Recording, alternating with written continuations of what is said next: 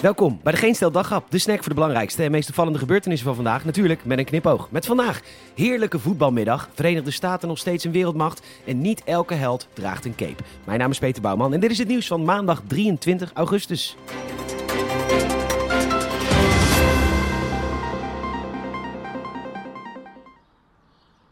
Kijk, wat een eh, heerlijke voetbalmiddag hier in Rotterdam. De spanning is om te snijden hier in de Kuip. En het publiek is werkelijk uitzinnig hoor maar. Wauw, ja, prachtige spandoeken met pakkende teksten als Hup, Hup, Feyenoord. En och ja, daar komt weer een pakkende tekst naar voren.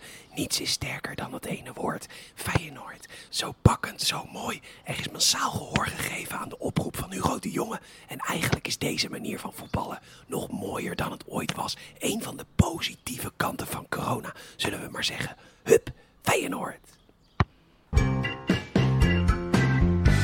Vicepresident van de Verenigde Staten Kamala Harris is op staatsbezoek in Azië. Prachtig land overigens, dat Azië. De Washington Post is erbij en Harris drukt de wereld op het hart. De Verenigde Staten zijn nog steeds een wereldleider.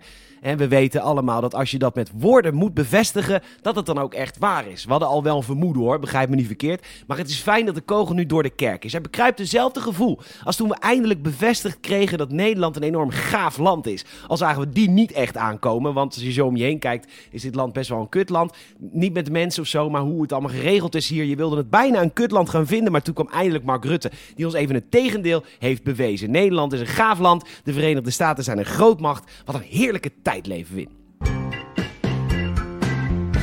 Niet iedere held draagt een cape, zo Facebookte de politie-basisteam Jan Hendrikstraat erop los. Dat is in Den Haag. Ze hebben gelijk natuurlijk, Spider-Man heeft geen cape, de mensen in de zorg meestal ook niet... en ook niet de vrouw die hielp met het aanhouden van een vluchtende dief.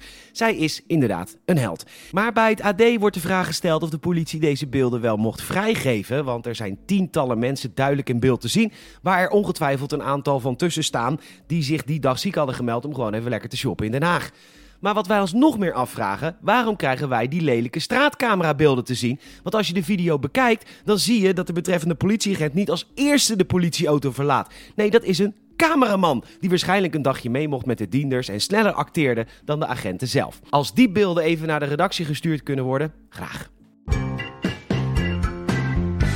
Er komt hulp voor evacuees uit Kabul die wel het vliegveld kunnen bereiken. Corendon en TUI stellen vliegtuigen ter beschikking, dat meldt de T. Kun je lekker bijkomen met een blik Heineken van 4 euro, 5 centiliter miniaturen whisky, wodka en gin voor 6 euro per stuk en 20 centiliter cava voor 6,50 euro. En als altijd sluiten we af met het nieuws van de sterren. Nieuw nieuws meldt namelijk dat de dominee van de grote kerk in Gorinchem is ontslagen. Hij gaat namelijk scheiden van zijn vrouw Femke en dat mag niet volgens een van de geboden. Die met stip op 7 net even iets belangrijker dan stelen, net even iets minder kut dan moorden. We snappen dit, maar we kennen de situatie natuurlijk niet. Misschien is Femke wel vreemd gegaan, sloeg ze de kinderen of heeft ze andere goden voor Gods aangezicht gehad. We houden het nauwlettend in de gaten. Bedankt voor het luisteren en je zou ons enorm helpen als je een vriend of vriendin vertelt over deze podcast, een hartje geeft in Spotify, ons volgt via vriendvandeshow.nl of ons een Apple Podcast review gunt. Vijf sterren alsjeblieft. Nogmaals bedankt voor het luisteren en tot morgen.